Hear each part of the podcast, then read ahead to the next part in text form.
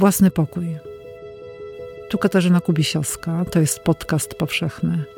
Zapraszam na cykl rozmów o tym, jak w kobiecie tworzy się i umacnia niezależność. Gościnią dzisiejszego odcinka jest Katarzyna Chlebny. Ten pan w tej furgonetce, ten kierowca mówi do mnie: O, pani młoda, pewnie studentka, tak? No i no, otworzył furtkę, rozumiesz? No tak, tak, studentka. O, a co pani studiuje? No i to jest ten moment, w którym pierwszy raz w życiu możesz się pochwalić, że spełniło się twoje marzenie. Uczysz się tego, więc mówisz bardzo ostrożnie, też troszeczkę innym głosem, bo reżyserujesz to swoje życie w tym momencie i się nim bardzo ekscytujesz i mówisz: Ja studiuję e, polonistykę i, i to jest ten moment po i, kiedy powiesz pierwszy raz w życiu i aktorstwo. Jest ten moment, w którym to serce bije najgoręcej na świecie i w tym momencie ten facet, wiesz, prawie że po hamulcach i tak patrzy na ciebie i mówi, patrz pani, a mówią, że te aktorki to takie piękne kobiety.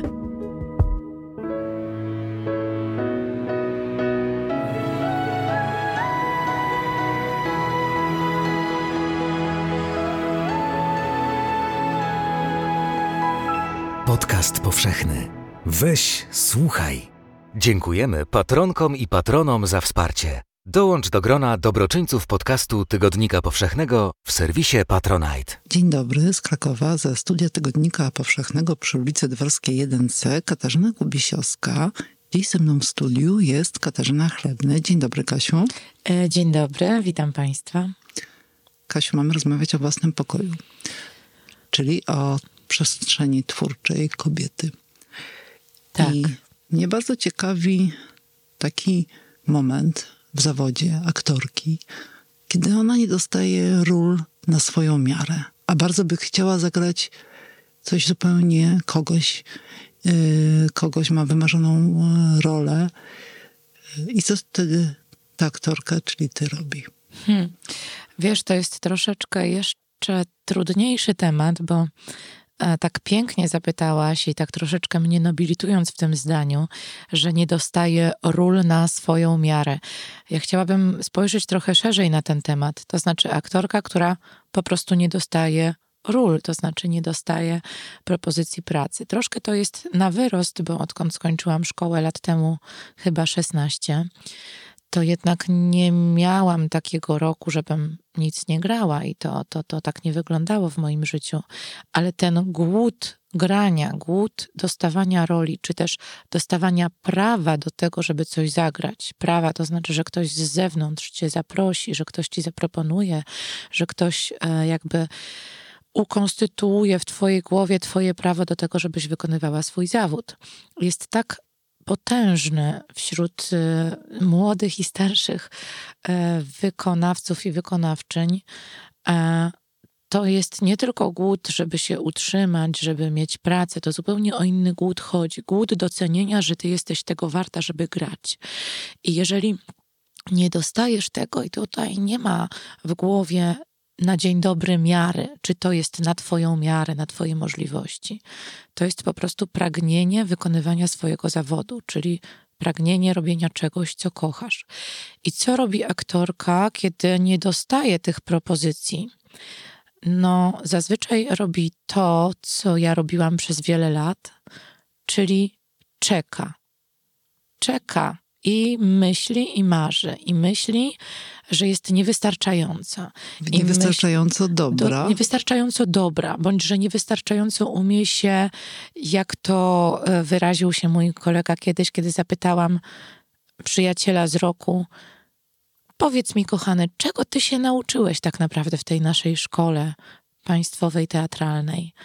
Rozżalona właśnie w środku, że nie wiem, no wiele rzeczy nauczyłam się po, a może niewystarczająco wy i myślałam, że troszkę się to, ta rozmowa e, skręci w, nie wiem, w kierunku e, etapów kształcenia, czy zdobywania, nie wiem, umiejętności, czy jaką literaturę e, robiliśmy przez ten czas.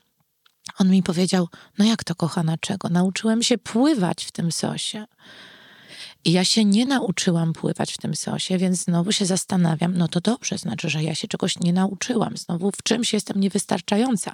Może nie tylko w tym niewystarczająca, że niewystarczająco dobrze gram, niewystarczająco dobrze śpiewam. Jeżeli będę lepsza, to ktoś to zauważy, ale na dodatek niewystarczająco nauczyłam się pływać w tym sosie. Więc wiesz, produkujesz coś, chodzisz na te castingi lub starasz się, grasz najpiękniej jak potrafisz, zapraszasz reżyserów, zapraszasz dyrektorów teatru. Oni bardzo mile odpowiadają ci, bardzo mi miło, dziękuję za zaproszenie, niestety wtedy nie będę w Krakowie. Lub bardzo mi miło, oczywiście słyszałem, niestety sam teraz mam coś innego. I zastanawiasz się, jak to pływać w tym sosie, to znaczy, gdzie się udać, czy nie wiem, iść na bankiet, na który nie umiesz, nie lubisz chodzić. Jak to pływać w tym sosie? I tak tracisz życie bardzo często, to no, może ja jestem niesprawiedliwa, rozszerzając to na troszkę szersze spektrum niż to moje życie tych ostatnich lat e, do tego działania, do którego gdzieś obie dążymy w, w celu tej naszej opowieści. E, ale tak, rzeczywiście czuję, że straciłam bardzo dużo czasu czekając na to, że ktoś da mi prawo do zabrania głosu ze sceny. To prawo czasami dostawałam, bo za mną są też wspaniałe współprace i wspaniałe spektakle, wspaniałe projekty, ale głód był dużo większy i apetyt był dużo większy niż te porcje, czasami przepyszne porcje i bardzo rzeczywiście dla mnie i wysokokaloryczne i rzeczywiście smaczne i wykwintne. Mówię o takich spektaklach jak Macabra Dolorosa w reżyserii Pawła Szarka. Z 2013 tak. roku przedstawienie, które było bardzo kontrowersyjne w odbiorze, reinterpretowane, tabloidy się rozpisywały, dość okrutnie potraktowane powierzchownie. Jest to opowieść, y, najogólniej mówiąc, o kondycji psychicznej, mentalnej dzieciobójczyni. Tak, ale wiesz, bo mówimy tutaj o tej warstwie tabloidowej tym okrucieństwie potraktowania tematu, e, a e, właśnie to okrucieństwo było jedną z płaszczyzn tego tematu i tego spektaklu. To znaczy, e, spektakl opowiadał właśnie o tym, jak z, z tragedii robimy show, jak odrywamy wzrok od najcięższego tematu, a łatwiej nam przykuć ten wzrok do mm, na przykład, nie wiem, dzieciobójczyni w kostiumie kąpielowym paradującej e, na koniu. Mm, że tak zacytuję jakby te nasze wspomnienia z okresu e, Katarzyny W. oskarżonej i skazanej za dzieciobójstwo małej Madzi.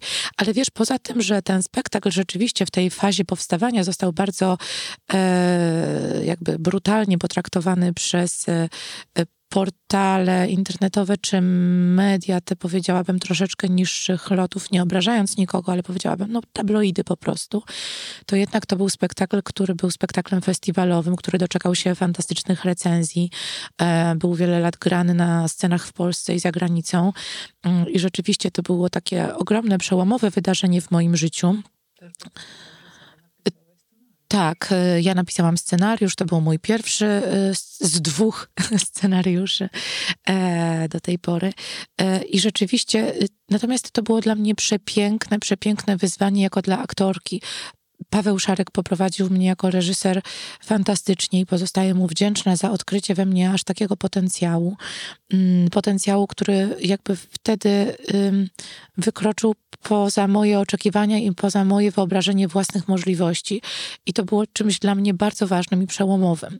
Ale przełomowym jedynie na tej płaszczyźnie myślenia o sobie. To znaczy, że ja się w jakiś sposób poczułam w swojej głowie wystarczająca, żeby grać, ale dalej niewystarczająca, żeby coś z tym zrobić. I wiesz, wtedy był taki etap w moim życiu, w którym każdy mówił zresztą to, co słyszę teraz i też mnie to tak, szczerze mówiąc, troszkę łechce, a troszkę boli. Teraz, czyli po premierze, po premierze Kory. przedstawienia Kora Boska. Tak, tak. Teatrze że wiesz, Proxima, która miała miejsce w listopadzie, w listopadzie 2021 roku. Tak, i wiesz, teraz dzieje się trochę podobna rzecz, jak e, wtedy w 2013 po premierze Makabry Dolorozy. To znaczy te tłumy bardzo życzliwych, szczerze życzliwych osób i za tę życzliwość bardzo dziękuję, ale e, właśnie te głosy wtedy tych życzliwych osób biegały przytulając mnie kadząc i też rozpalając w sercu ogromne nadzieje. Nadzieje pod tytułem Jezu, zobaczysz, teraz otworzy się przed Tobą świat, teraz to wszystko się zacznie, teraz dostaniesz mnóstwo propozycji, teraz będziesz grać, zobaczysz, teraz zgłoszą się do Ciebie reżyserzy, dyrektorzy, to się wszystko rozpali, będą wywiady, będzie się dział cały świat. To jest ten moment, Kasia, musisz chwytać to życie, to jest ta chwila. No i Kasia, rozpalona tym, wiesz, że to jest ten moment, co robi ta Kasia? Czeka. Czeka w tym 2013 roku, że tak, to teraz się stanie. No oczywiście zaczęły się wywiady, to było piękne. Festiwale, na których grałam ten spektakl i e, za który rzeczywiście e, kilka tych pięknych recenzji, pięknych, pochlebnych słów, mnóstwo listów od widzów, to były przepiękne doświadczenia, bo to jest w ogóle piękne i jedno z ciekawszych doświadczeń w momencie, kiedy e, dostajesz wiadomość zwrotną, kiedy przychodzi do ciebie człowiek po spektaklu i opowiada ci, co ten spektakl wniósł w, nie, w jego życie. Dzielimy się z, ze sobą swoimi emocjami. To jest coś, co kocham w tym zawodzie. Nie tylko to, że ja Państwu coś gram, przedstawiam jakąś rolę, ale ja się dzielę swoimi emocjami. One są moje na bardzo różnym mm, etapie. Yy, jakby budują się na różnym etapie potrzeby. Z jednej strony jest to potrzeba w pisaniu, i ja się dzielę z Państwem swoimi emocjami, kiedy coś we mnie bardzo pulsuje i chcę o tym napisać. Potem, kiedy kreuję tę postać, wchodzę, teraz wchodzę w postać Kory, wtedy w postać dzieciobójczyni Makabry Dolorozy i dzielę się prawdą z siebie, czy to twórczą, czy to już prawdą tej postaci, czy na podstawie yy, doznanych prawdziwie doświadczeń i emocji moich, czy tych przenoszonych, yy, kiedy moje ciało, moje usta, mój głos przenoszą czyjeś emocje, emocje zbudowanej postaci. A Państwo przychodzą do mnie, bądź piszą listy, czasami ręcznie, czasami messengerem, czasami maile, czasami jest to rozmowa, chwycenie za rękę i dzielicie się tym światem, który powstał na styku naszych światów, Państwa oczekiwań i mojego otwarcia przed Państwem. I dla mnie są to przepiękne chwile, przepiękne. Takie jest wyprane słowo, bo ono bardzo często jest używane, ale ono ma swoją wielką wartość katarzis. I ja naprawdę to kocham w teatrze. Ten moment, w którym my spotykamy się w prawdzie i ta prawda daje nam oczyszczenie wnosimy coś nowego do naszych żyć. Państwo jako widzowie do mojego życia, ja jako aktor, twórca czy współtwórca, zaszczycona tym, że mogę jakiś ułamek czegoś innego wnieść do państwa życia.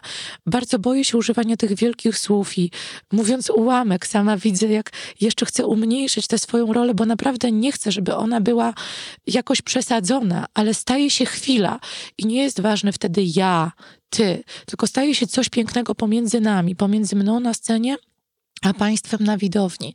Ja autentycznie kocham te momenty. Czuję, że w tych momentach przekraczamy coś i stwarzamy coś bardzo nowego. Ja tego nie stworzę sama. Nie stworzę tego na scenie, chociaż byłabym nieprawdopodobnie dobra, to nie stworzę tego, jeżeli nie będzie widza, z którym stworzę tę chwilę. A ten widz też musi być wyjątkowy, piękny, bogaty. I e, zataczając koło do tego twojego pytania, ja wtedy 13, nie 13, tylko w 2013, czyli ile to? Jeden, ile to było? Prawie 9, lat temu. Tak. Mhm. Ja wtedy bardzo czekałam, że jeżeli ja jestem taka, jeżeli ja dałam z siebie tyle i w tej swojej perfekcji, w dążeniu do perfekcji, w tej pracowitości, którą mam gdzieś tam mm, wręcz e, nadaktywnie rozbujaną momentami, że jeżeli ja tyle z siebie dałam, to ten świat jakoś mi to odda i ktoś w końcu mnie, wiesz, zauważy, ktoś przyjdzie i powie, pani Katarzyno Chlebny, ale pani jest fajną aktorką. O, jak ja bym panią chciał mieć u siebie na pokładzie. I wiesz, ja sobie projektowałam te momenty, w których ja e, naprawdę no, bardzo mi miło, e, no nie, nie, nie, absolutnie nie zasłużyłam, ale jeżeli pan dyrektor, to ja oczywiście bardzo chętnie. I wiesz, tych nieodbytych rozmów na żywo, a odbytych w mojej głowie i w fantazji, e, podobnie jak w liceum rozmów z Kubą Wojewódzkim w głowie, tak, że jeżeli kiedyś będę dorosłą gwiazdą i Kuba Wojewódzki zaprosi mnie do programu, to ja mu wtedy tak odpowiem, że nie jestem wcale taka bardzo och, och, jak ja się cieszę, tylko będę taka zdystansowana, a on będzie taki uszczypliwy, a ja będę jeszcze bardziej. I wiesz, to są te projekcje nastolatki, A potem są te projekcje dorosłej kobiety w rozmowach z dyrektorem teatru, gdzie mówisz troszkę niższym głosem, żeby ci nie zarzucił, tak jak mi jeden z dyrektorów teatru. O, widzi pani, pani przychodzi do mnie na rozmowę i pani mówi: Dzień dobry, panie dyrektorze, bo pani jest aktorką, a ja jestem dyrektorem, więc mówię: Dzień dobry, pani Katarzyno.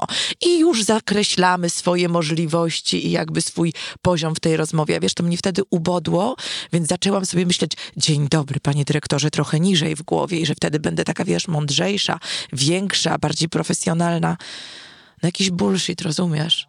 Tysiąc oczekiwań, że ktoś ci da to prawo i ktoś cię zaprosi.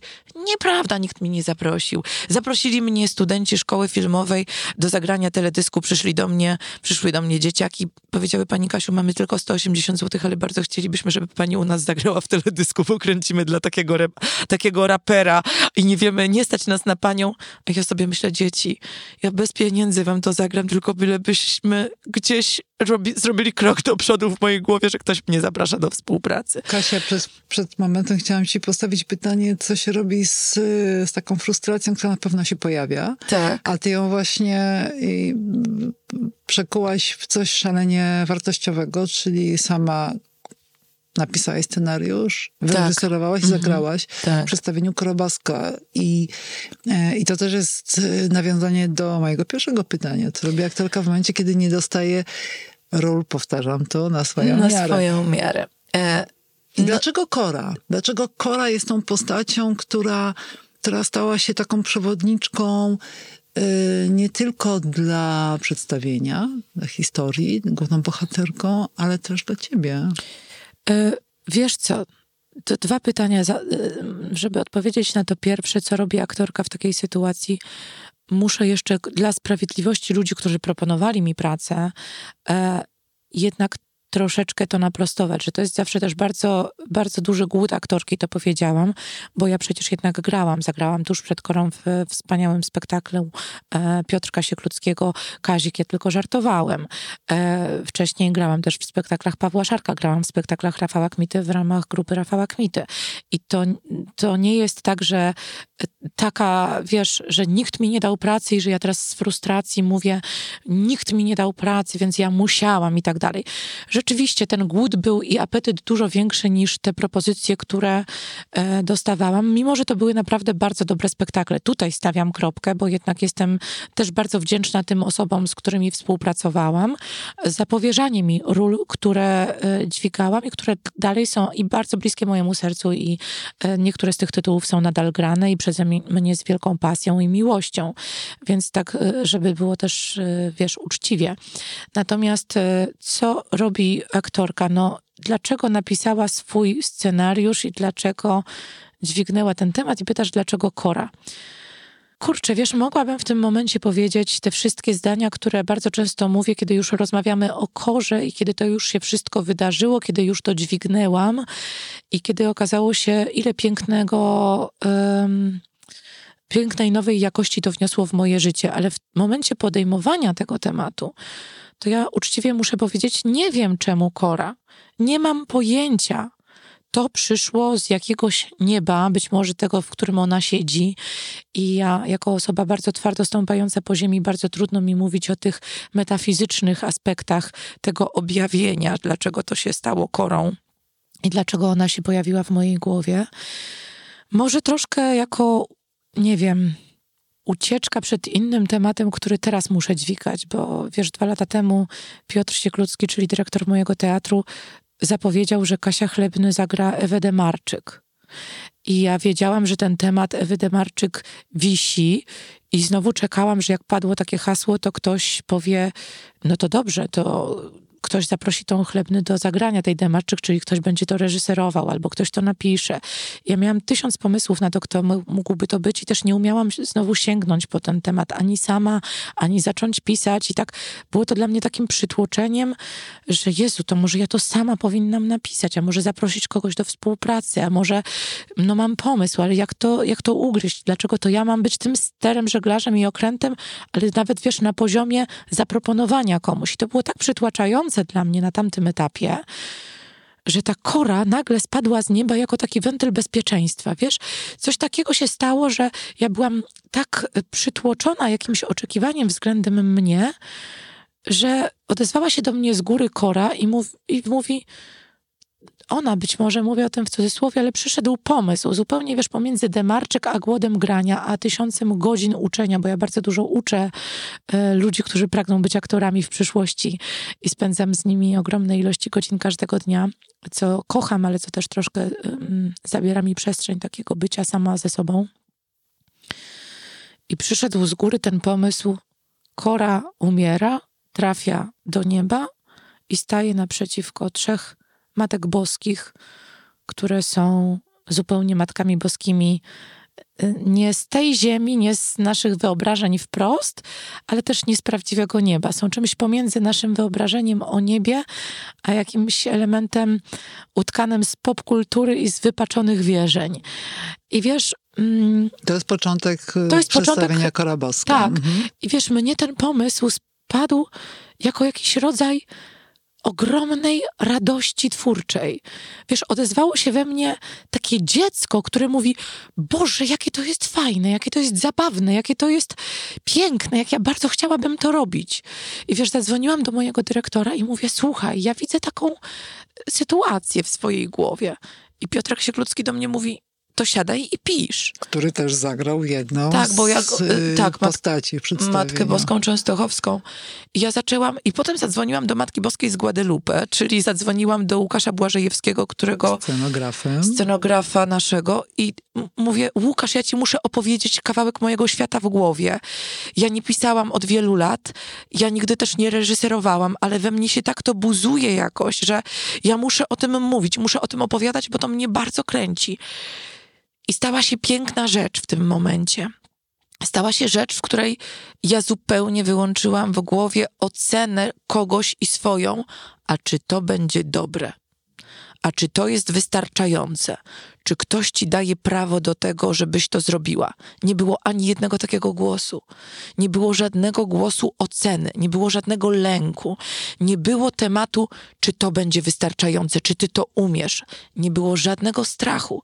Była tylko chęć zabawy, dziecięca chęć zabawy, wiesz? I teraz przypominam sobie y, sytuację, która jest, koncert, który jest w ogóle nagrany, można to zobaczyć na YouTubie, kiedy Kora w 1980 roku w Opolu wychodzi na scenę e, ścięta na króciutko w spodniach, na takich e, koszulce wygląda zupełnie inaczej niż z końcówki lat 70. i początku 80. wokalistkach śpiewa z czymś zupełnie innym, bo śpiewa między innymi Rząd za pieniądze i Buenos Aires i dziko się zachowuje, dziko się y, porusza, jest y, taka androgeniczna, y, wprawia wszystkich osłupienie, robi swoje. Jest też nie było, jak ty mówiłaś przed chwilą o środowisku, o pewnym sosie, o tym, jak co kolega się nauczył ze szkoły teatralnej pływać, wie jak z kim rozmawiać, o której godzinie i w którym teatrze. Kora też była poza środowiskiem, a jednak zrobiła swoje, odniosła sukces. I teraz myśląc o Twoim przedstawieniu, widzę tutaj pewną paralelę i właśnie to też jest istotne, stawiając Ci to pytanie o Korę. E, myślałam o tym, że Kora wielokrotnie podkreślała, pokazała to swoim życiem, ale też mówiąc do kobiet, e, żeby brały życie w swoje ręce. Bo nikt, nikt im zazwyczaj nic nie podaje na tacy. Pewne rzeczy trzeba wywalczyć, wyrwać życiu. Kobietom dużo trudniej jest wyrwać niż mężczyznom. Też to widzę jako dziennikarka. Wiesz, y, nie umiem powiedzieć uczciwie, że widzę to. To znaczy, nawet ostatnio na premierze w jednym z etatowych teatrów, czyli tych, w których rzeczywiście aktorki e, i aktorzy pracują na etatach i mają z mojego punktu widzenia jako freelancera zapewniony ten byt comiesięczny. Nie mówię o bycie materialnym, tylko mówię o przywileju grania spektakli, bo dla mnie w mojej głowie jakoś zawsze te, ten głód wygrywa. Natomiast e, one też zgłaszały mi ten temat, kiedy rozmawiałyśmy, wiesz, gdzieś w kulisach że są dużo gorzej traktowane niż mężczyźni, że ich stawki są e, niższe dla kobiet niż dla mężczyzn, że no widzimy, widzę jak, jak uczniowie, którzy kandydują do szkół teatralnych, jak dziewczyny mają trudniej, bo jest ich dużo więcej. Natomiast wiesz, ja nigdy w życiu nie czułam się gorzej traktowana niż mężczyzna, dlatego że nigdy tego nie rozkminiałam w swojej głowie, nigdy ja się nie porównywałam. I być może tak jest, i jeżeli tak jest, to, bo tak często o tym słyszę od koleżanek, że wierzę, że tak jest. Ja nie, nigdy nie skupiłam się na tym, nigdy w życiu nie zastanawiałam się, czy mój kolega dostaje za coś więcej kasy niż ja, za tę samą pracę. Y, po prostu nigdy nie przyszło mi to do głowy, dlatego że we mnie, wiesz, to jest być może ten trójkąt potrzeb, o którym e, wiemy. We mnie to sam fakt, sama możliwość grania czy pracowania była tak bardzo na pierwszym miejscu, że jeszcze nie dobrnęłam w głowie do tych niesprawiedliwości i do tego etapu, w którym być może mam nadzieję, że jeżeli ja bym dochodziła do tego momentu kiedyś w życiu, w którym mogłabym zauważyć te podziały i te niesprawiedliwości, to mam nadzieję, że zanim tam dojdę, to już tego nie będzie w naszym społeczeństwie i że to wszystko się bardzo równo uprawni. To idealna wizja. Mam nadzieję i, i równocześnie mam nadzieję, że bardzo szybko do, dotarłabym do tych dylematów, czyli że dostanę, nie wiem, tyle gdzieś tam przestrzeni do pracy. Dostanę, znowu użyłam złego słowa, że dam sobie tyle przestrzeni do pracy. Ale wracając do Kory, wiesz, ja myślę, że ja się z nią spotkałam w idealnym momencie swojego życia. Że być może mm, gdybym to wszystko, co teraz wiem o niej, wiedziała przed zrobieniem tego spektaklu, to z mniejszą ciekawością odkrywałabym te nasze paralele. I gdyby, gdybym tylko była zafascynowana tym, jak ona była silna i gdyby to był przyczynek do zrobienia tego spektaklu, jak była samodzielna, jak była niezależna i gdybym ja miała wizję i ja chcę tak jak ona, być taka jak ona, więc zrobię o niej spektakl, to to by w ogóle nie wyszło. Wiesz, bo znowu nie miałabym w tym siebie, a mnie się równolegle otwierał świat na mnie do wewnątrz i na nią kiedy to pisałam, kiedy to poznawałam. Ja słuchałam muzyki Kory, rzeczywiście mówię o tym i mówiłam w wielu wywiadach o tej historii, kiedy byłam, wiesz, 11-letnią dziewczynką nad morzem i tam pierwszy raz zetknęłam się z próbą dźwignięcia repertuaru Kory w konkursie, który przegrałam, bo zbyt wyraźnie ruszałam ustami, naśladując korę według jury i e, mówię o tym swoim dziecięcym wspomnieniu jako o pierwszej fascynacji korą, to prawda. Mówisz to w przedstawieniu. Mówię o tym w przedstawieniu również. Natomiast wiesz, e, potem przez wiele lat ja postrzegałam Korę jedynie jako silną gwiazdę, potem celebrytkę i nie zagłębiałam się ani w tę twórczość, ani nie analizowałam tyle tych tekstów. Widziałam ją jako bardzo silną osobowość na scenie, polskiej scenie rockowej, rozrywkowej. Słuchałam czasami tych wywiadów, ale to nie była jakaś pasja do tej kobiety. A dzisiaj nawet jak mówię do tej kobiety, to widzę, że tak już bym jej dzisiaj nie nazwała. Wiesz, mam jakiś do niej stosunek mm, jako do trudno to będzie mi powiedzieć, ale wiesz, postrzegam ją jako nowo zdobytą przyjaciółkę, którą poznałam na mm, bardzo dla mnie ważnym etapie mojego życia, mojego dojrzewania. To tak jakbym jako jakbym wchodząc w swoją dojrzałość spotkała przyjazną przewodniczkę, która nie pretenduje do roli mistrzyni, a która staje się towarzyszką i przez to urasta do roli dużo większej niż tylko fascynacja, a jakąś staje się towarzyszką. Wiesz, ja się, mm, to też może niezręcznie zabrzmi, ale w tych momentach, kiedy staje się korą na scenie, ja czasami czuję, że się z nią spotykam. Że siadamy sobie tam koło siebie na tym moim podejście, który staje się takim, wiesz, trochę ołtarzem, a trochę sceną. I że ja tak siedzę, a ona się czasami odzywa i mówi: A widzisz? Tak to jest. Też się czasami tak czułam jak ty teraz. Boisz się ich teraz, tej publiczności. A nie bój się ich, spójrz na nich. Zobacz, jak fajnie, że przyszli tutaj do nas. I że sobie myślę tak o sobie w trakcie tych spektakli, że jesteśmy czasami my na tej scenie, ja i ona. Ona we mnie. Ona jest we mnie. Ja się otwieram, tak jak wiesz, taki portal, w który ona na chwileczkę wchodzi. I może to bałwochwalcze, co powiem, ale mam takie momenty, w których y, no dziwnie to zabrzmi. Mam nadzieję, że zostanę dobrze zrozumiana, że staje się takim ciałem, w którym dybuk, który potrzebuje jeszcze na sekundkę się odezwać, przychodzi sobie na chwileczkę i też spotyka się z tą publicznością, wiedząc, jak ważnym jest elementem życia też dla tej publiczności, która przychodzi przez chwilę na to spotkanie, nie tylko ze mną, nie tylko ze sztuką, nie tylko z tym, co ja napisałam i z jakąś kreacją, tylko na spotkanie ze, ze swoim żywym wspomnieniem o korze. I ja przez sekundkę daję może ciało na to, żeby to spotkanie mogło się ziścić. I mam takie momenty w spektaklu, w których po prostu w swojej głowie, bo też nie chcę wchodzić za bardzo w metafizykę, przy, przed którą też jakby stąpam daleko i nie chcę, nie chcę za bardzo być może tej sfery w sobie rozbuchać. Ale mam takie właśnie momenty, w których czuję, że pozwalam komuś wejść we mnie i że dzieje się w tym jakiś nowy, piękny świat, który również mnie bardzo wzbogaca. Mhm. Kasiu, jakbyś na zakończenie tej rozmowy miała powiedzieć o takich momencie, może momentach w życiu, sytuacjach, mm, kiedy ty się czujesz najbardziej wolną kobietą, to co ci do głowy przychodzi? Ale to, żeby to też zabrzmiało dobrze. I to jest właśnie, o widzisz, dotknęłam czegoś bardzo istotnego. Zobacz, co powiedziałam. Żeby to zabrzmiało dobrze. Ja się bardzo boję tego, trochę to będzie naokoło znowu, jak każda odpowiedź na Twoje pytanie. Mm.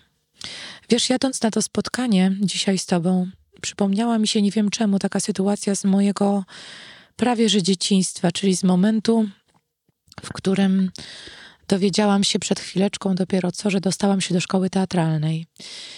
I dowiedziałam się, i kiedy posiadłam tę wiedzę, e, zobaczyłam się na tej liście przyjętych, czyli spełniłam to swoje marzenie, wróciłam do rodzinnego domu.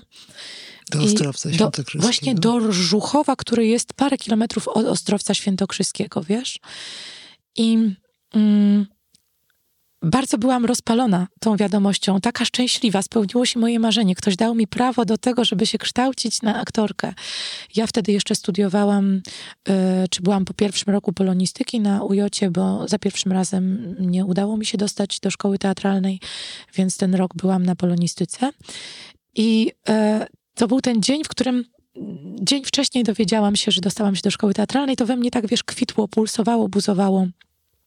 I potrzebowałam z Rżuchowa dostać się do Ostrowca, bo po coś tam jechałam. Nie wiem po co, ale e, musiałam pokonać ten kawałek drogi, więc wyszłam przed dom i złapałam stopa, jakąś furgonetkę, która mnie taką szczęśliwą i rozpromienioną okrągłą, szczęśliwą dziewczynkę miała zawieść do Ostrowca. Może na bazar, a może po coś innego, nie wiem, ale to była pierwsza sytuacja, w której jakby zetknęłam się z człowiekiem w swoim szczęściu, bo byłam bardzo w szczęśliwym momencie swojego życia. Nie z mamą, nie z tatą, tylko z innym człowiekiem. I ten pan w, w tej furgonetce, ten kierowca mówi do mnie, o, pani młoda, pewnie studentka, tak?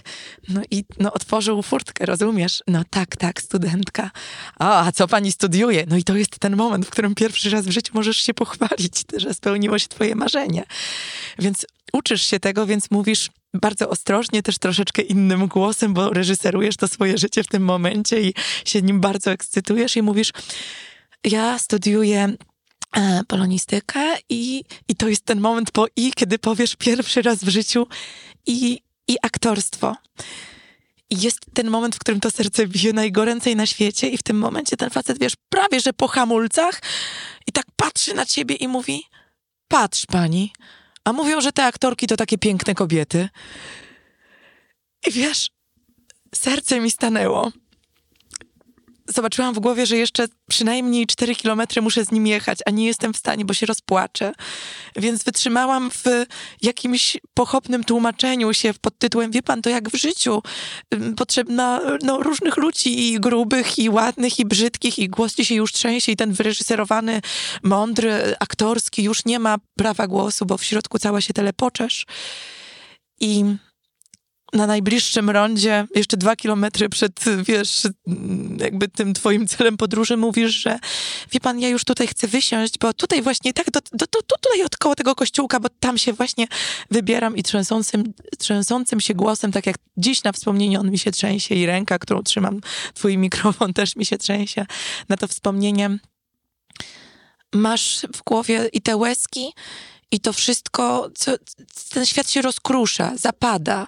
Ktoś cię ocenił nie tak, jak oczekiwałaś.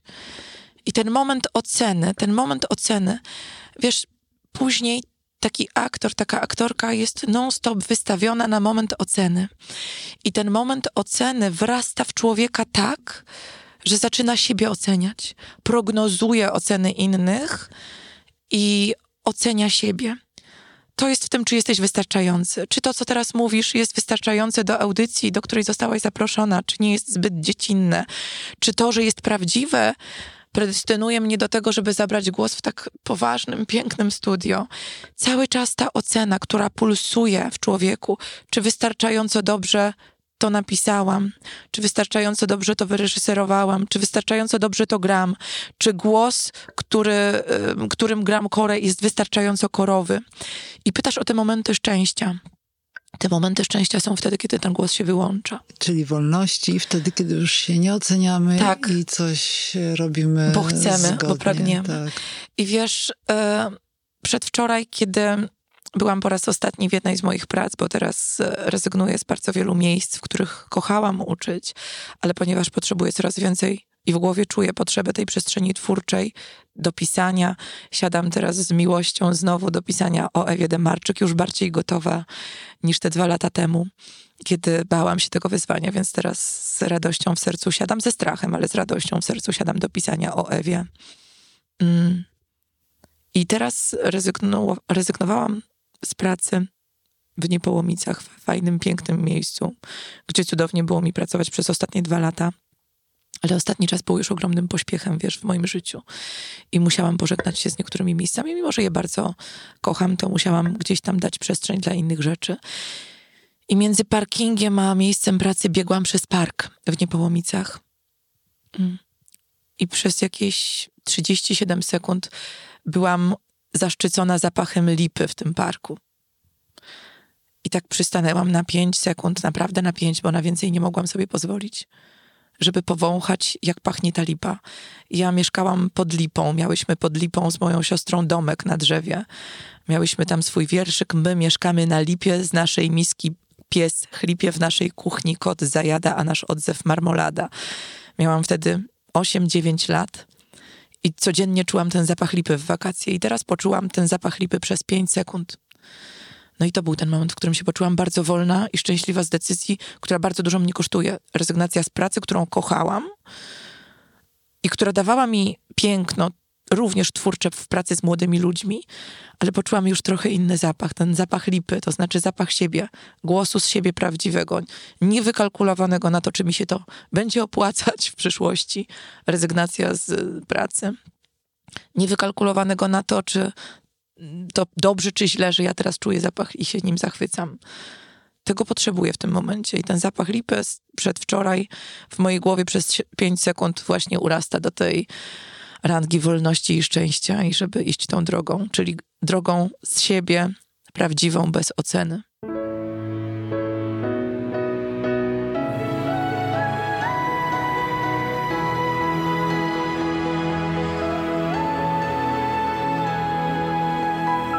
Podcast powszechny. Weź, słuchaj. Jeśli słuchają nas Państwo w Spotify albo w Apple Podcast, zasubskrybujcie nasz kanał. Jesteśmy też w Google Podcast i w aplikacji Lekton oraz na www.tygodnikpowszechny.pl/podcast. Dziękujemy patronkom i patronom za wsparcie. Współwydawcą podcastu powszechnego jest Fundacja Tygodnika Powszechnego.